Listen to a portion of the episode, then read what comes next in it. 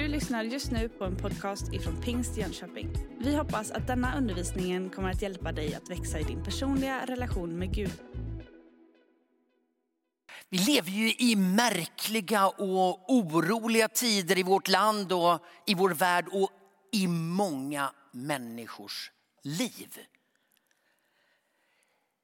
Och sanningen är ju den att vi har inget löfte från Gud att i ett trollslag lösa alla våra problem och allting är lyckligt och lätt igen. Men vi har mycket tydliga löften från Gud i den här boken som vi sätter vårt hopp till.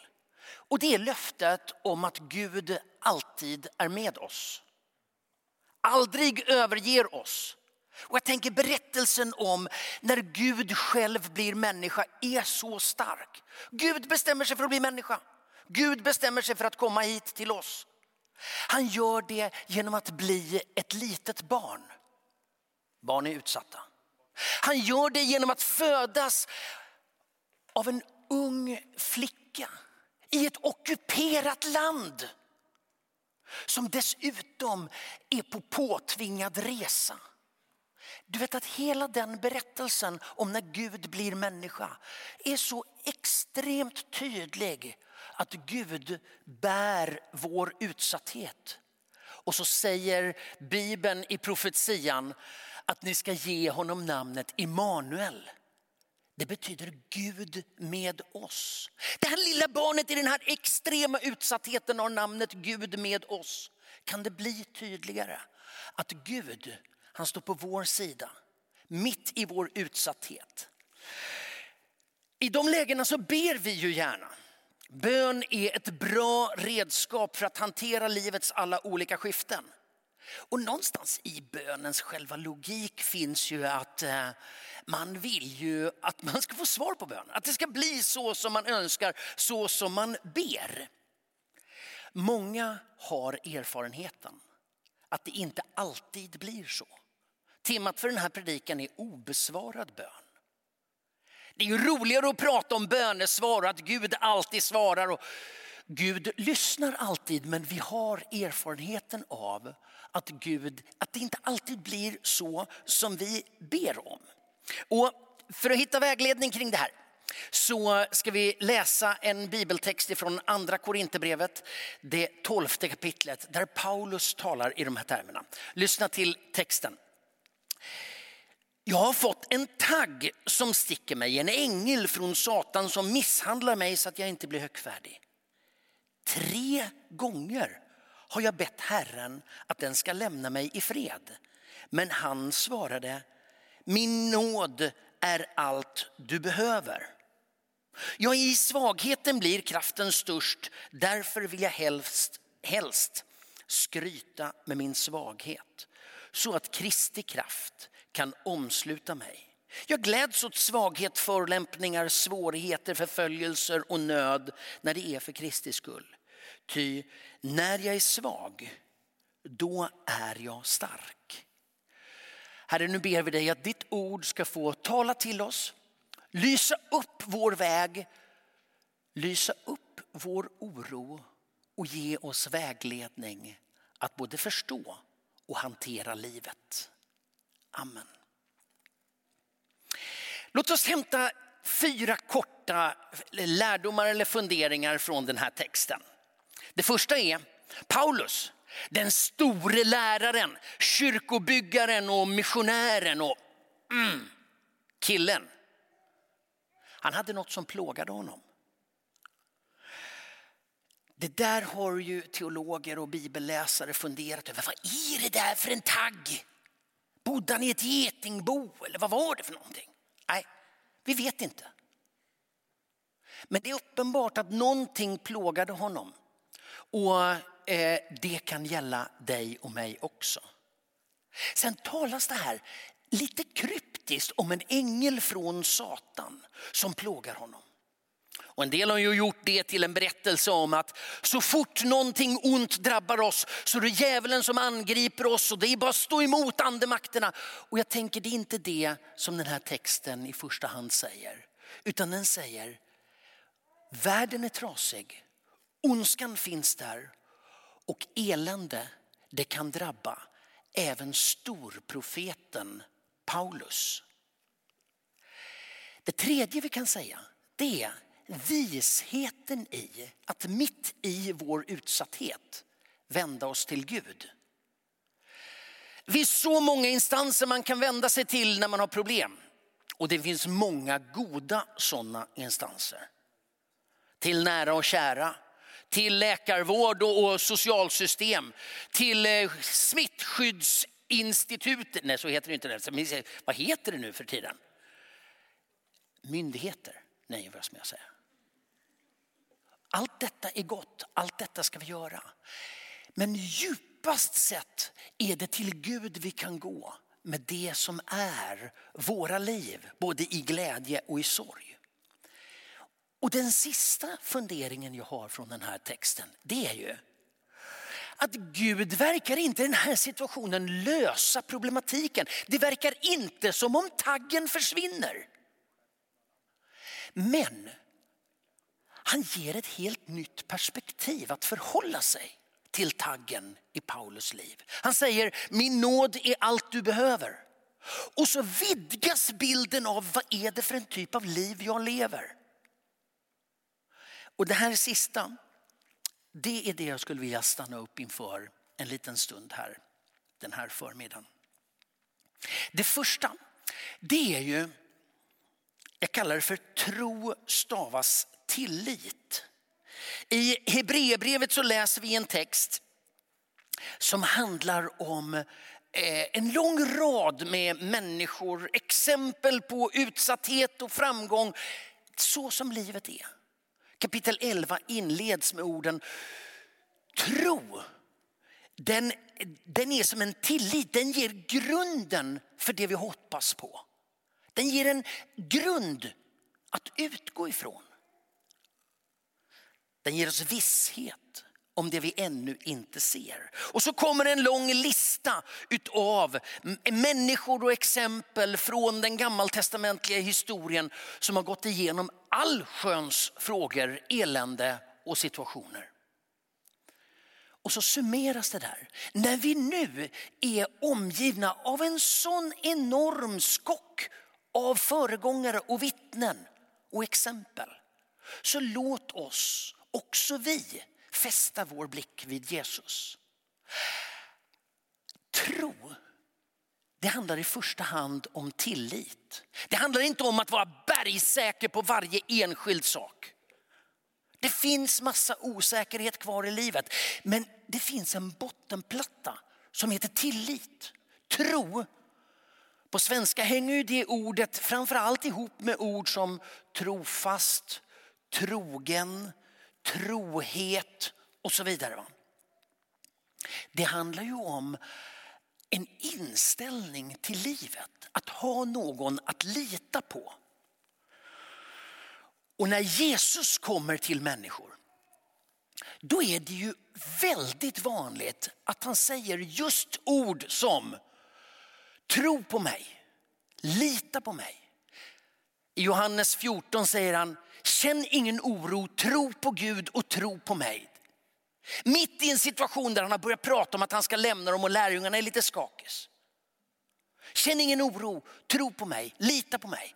När lärjungarna har gått igenom det mest kaotiska i tillvaron och Jesus har korsfästs och dött och allting har rasat. Ingenting finns kvar av det man hade hoppats på. Då kommer han och vad är det första han säger? Frid, säger han. I den här traditionen, i den här kyrkan, så har vi historiskt sett brukat hälsa varandra. Inte med hej, inte känna en hallå hallå, utan frid. Det är en god tradition. Det är en god sak. Det är Jesus likt. När han kommer så kommer han med frid. Tro stavas tillit. Det andra jag tänker att vi ska tänka på det är ju att gå till Gud med vår situation. Paulus har en tagg, den sticker honom och tre gånger har han bett Gud att ta bort den här plågan. Vad det nu var för någonting. Att gå till Gud med vår utsatthet. Vi går till Saltaren. Då står det så här, psalm 46. Gud är vår tillflykt och vår styrka, en hjälp i nöden som aldrig svikit. Därför räds vi inte. Om en jorden skälver, bergen störtar i havets djup, om en vattnen brusar och skummar och bergen darrar vid havets uppror. Att gå till Gud, det är en god ordning. En annan psalm, psalm 38 säger så här. Jag är kraftlös, jag är krossad. Jag skriker ut mitt hjärtas jämmer. Herre, du känner min längtan, mina suckar når fram till dig. Ibland får jag en känsla av att vi tror att mötet med Gud är någon slags uppvisning. Att församlingens gemenskap är någon slags klubb där vi talar om hur väl vi har lyckats med olika saker. Nej. Här är platsen för alla oss som har förstått att vi inte räcker till. Här är platsen där vi kan komma med all vår brustenhet. Gå inte och göm dig med dina skador. Visa upp dem. Kom, dela dem. Sen får ju det här förstås ske med, med klokskap och, och viss integritet. Men dölj inte för Gud din plåga. Gå till honom i utsattheten. Kung David ställdes vid ett tillfälle inför ett mycket svårt val. Han hade på riktigt klantat till det för sig. Han hade gjort sånt som inte var lämpligt att göra och han ställs av Gud inför tre val. Och vi ska inte gå in i detaljer på den här texten. Men när han har fått de här tre valen, där ett av dem handlar om att Gud kommer att straffa honom. Och då säger han så här i vers 13 i första krönikeboken 21. Jag är i svår vånda, men låt mig falla i Herrens händer eftersom hans barmhärtighet är mycket stor. I människors händer vill jag inte falla. Alltså David hade förstått att även om det var en svår tid som väntade så var den bästa platsen att vara i Guds närhet. I människors händer vill jag inte falla. Jag litar på Gud. Att vända sig till Gud, att gå till Gud med sin utsatthet. Vi har mängder med exempel genom bibelberättelsen.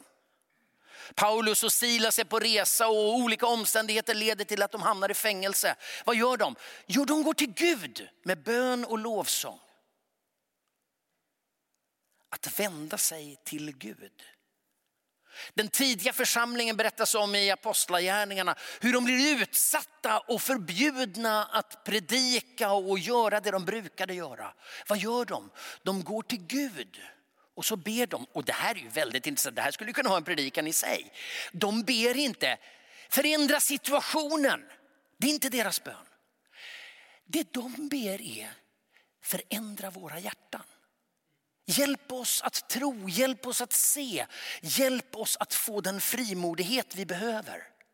Alltså lösningen ligger inte alltid i att vi får någon att förändra omständigheterna. Lösningen ligger oftast i att du och jag får vidgade perspektiv genom Guds hjälp och genom förståelsen av vem Gud är i mötet med våra omständigheter. Sen kan vi ibland hamna i lägen där vi är i så utsatta situationer så vi säger Gud ta bort det här, rädda mig. Jesus själv är i en sån situation inför att han skulle korsfästas. Timmarna innan, han vet vad som väntar. Och så säger han, Fader, ta bort det här som ska komma.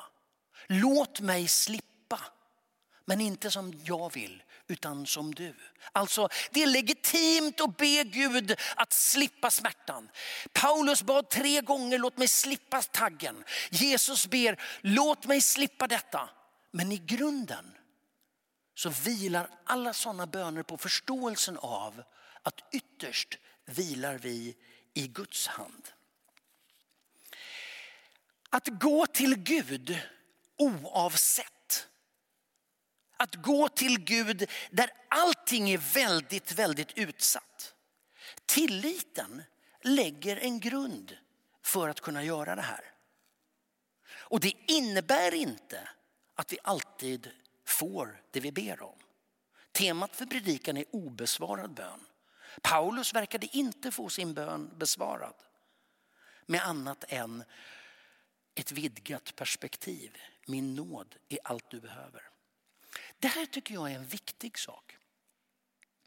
Att förhålla sig till den obesvarade bönen. Saltaren ger oss en rad exempel på det här. Och om du eh, vill eh, ha lite vägledning så en lätt sifferexercis eh, här. Psalm 22, psalm 44, psalm 88. Läs dem.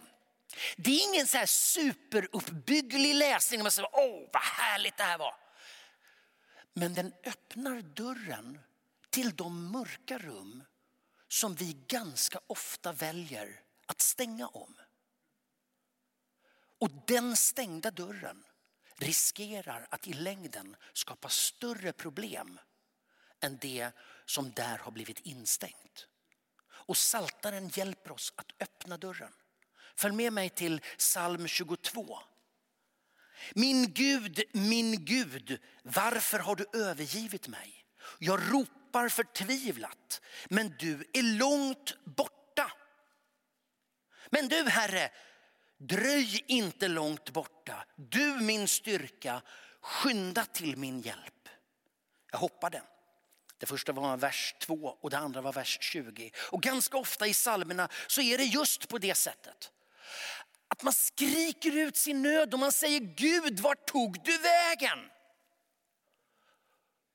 Och sen så kommer förståelsen, Herre, du finns där någonstans bortanför.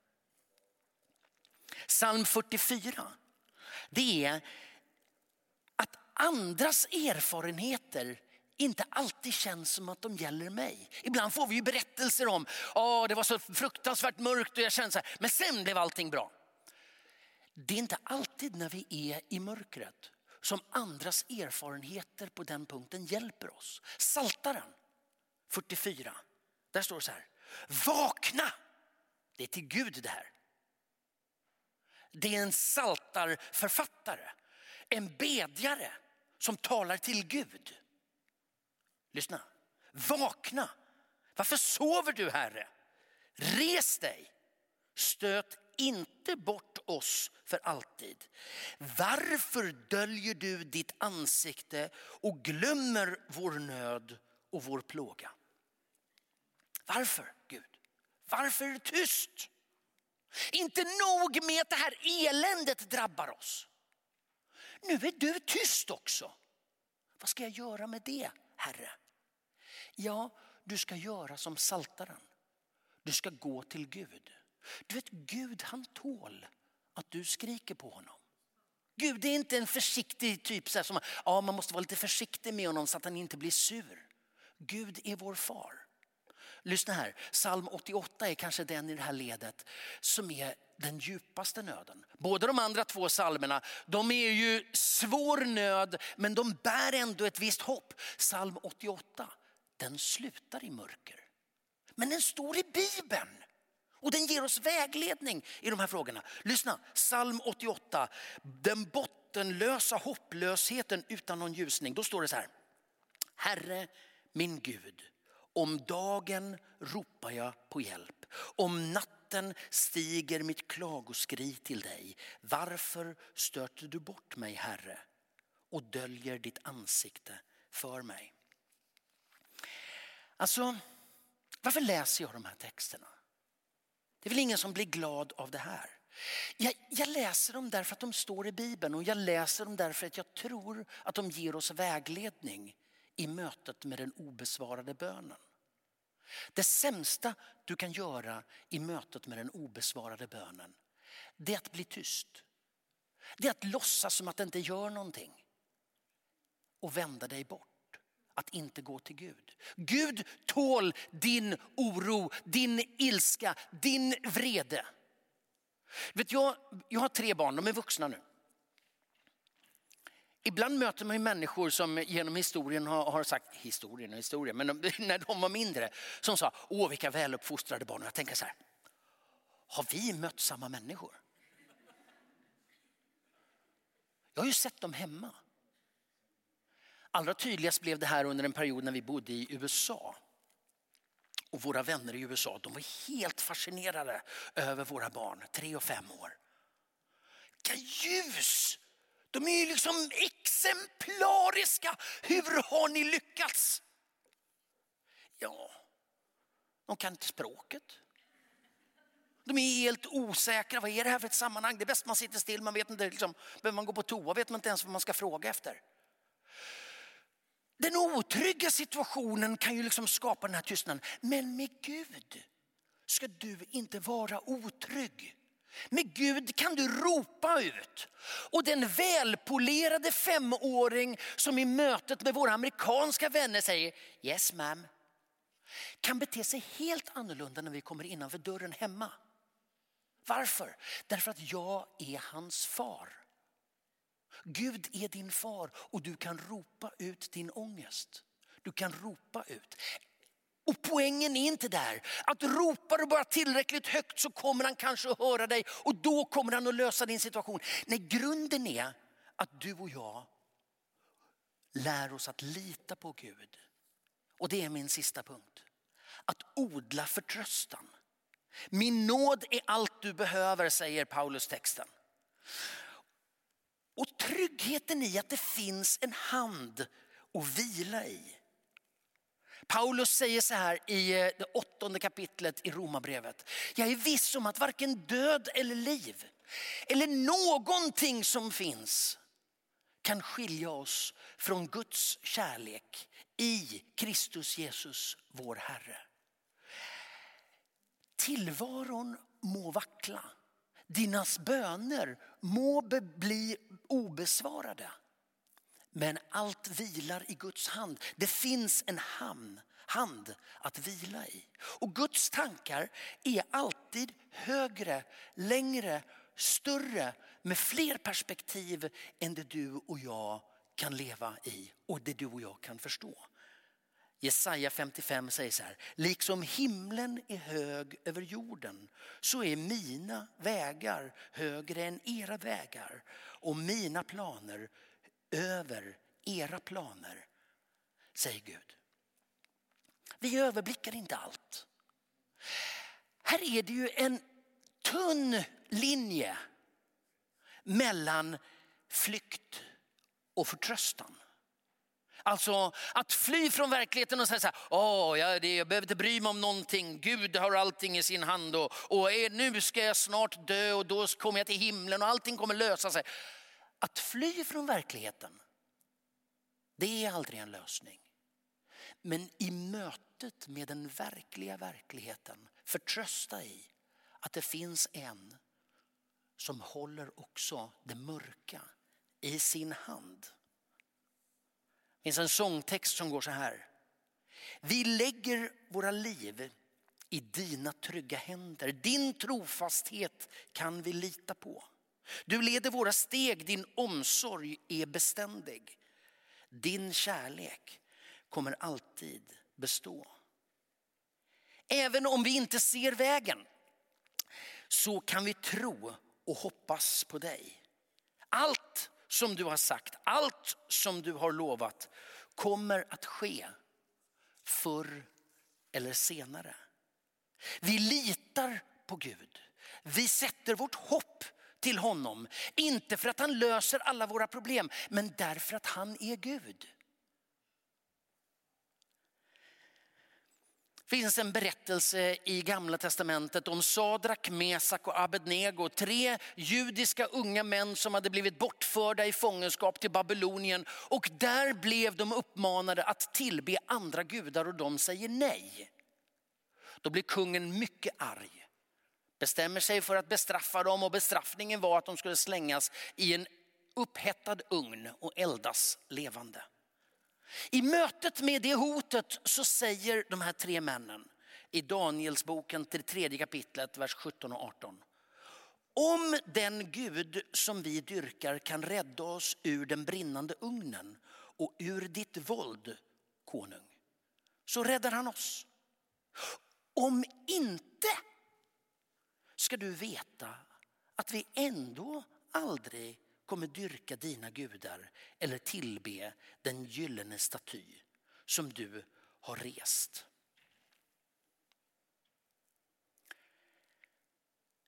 Vi går inte till Gud för att han automatiskt löser alla våra problem. Vi går till Gud för att han är Gud, tillvarons ursprung, alltings grundval. I mötet med den obesvarade bönen så blir det, det här väldigt, väldigt skarpt.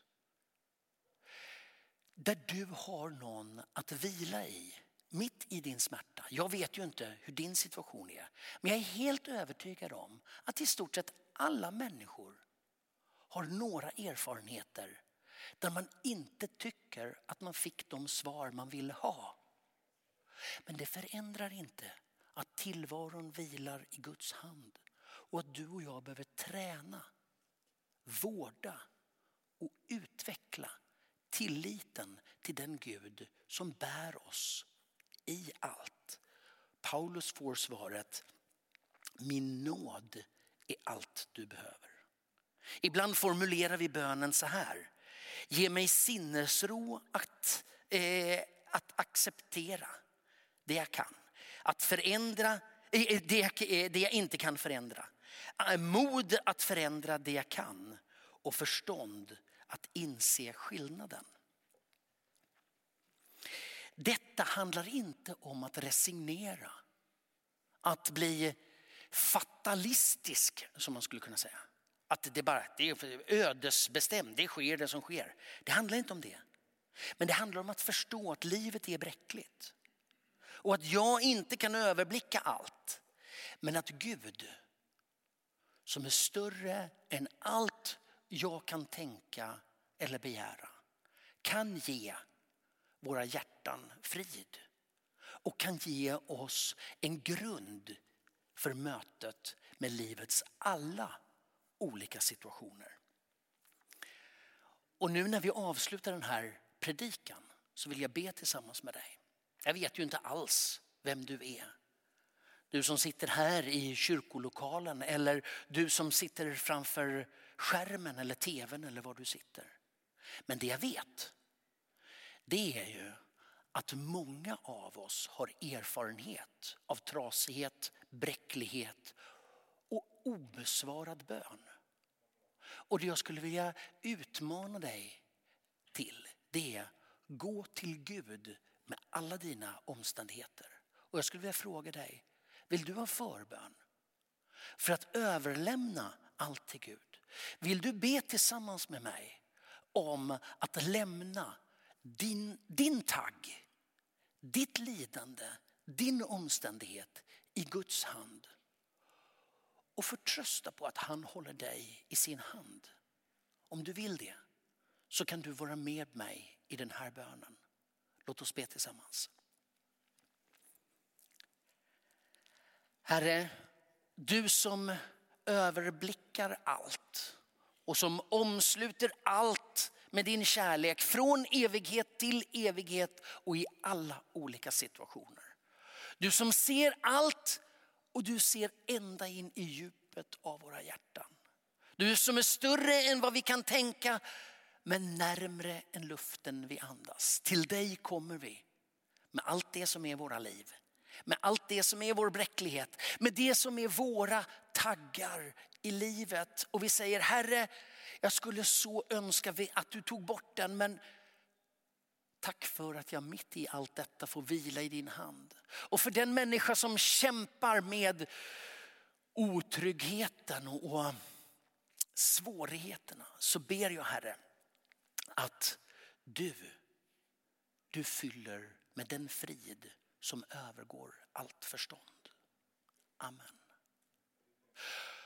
Och innan vi lämnar över till en sång så skulle jag också vilja fråga dig om du är en sån som inte ännu har tagit emot Jesus. Du vet, Gud finns nära allt och alla.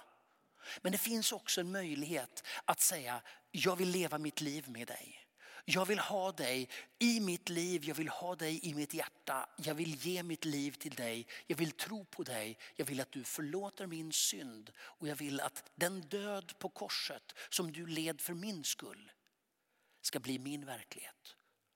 Om du vill ta emot Jesus idag så kan du få räcka din hand. Och du kanske sitter här i kyrkolokalen, då kan du räcka din hand. Om du sitter framför skärm så finns det en liten knapp i nederkant av rutan där du kan eh, klicka för en handuppräckning. Då kommer vårt eh, kontaktcenter att se det, kunna kontakta dig och hjälpa dig vidare. För detta är ett av de största och viktigaste besluten man kan fatta. Att välja att tro på Gud, tillhöra Jesus och ge sitt liv till honom. Vill du vara med mig i den bönen så räcker du din hand och så ber vi tillsammans. Tack Jesus för att du tog vårt lidande på dig. Du tog vår synd och vår smärta. Du bar den upp på korset och nu ber vi dig Herre, låt din frälsande nåd få bli vår verklighet. Ta synden ifrån oss och ge oss din nåd och låt oss få leva i relation med dig. För ditt namns skull ber vi. Amen. Du har just lyssnat på en podcast ifrån Pingst Jönköping. För att få reda på mer om vilka vi är och vad som händer i vår kyrka så kan du gå in på pingstjonkoping.se eller följa oss på sociala medier via pingstjkpg.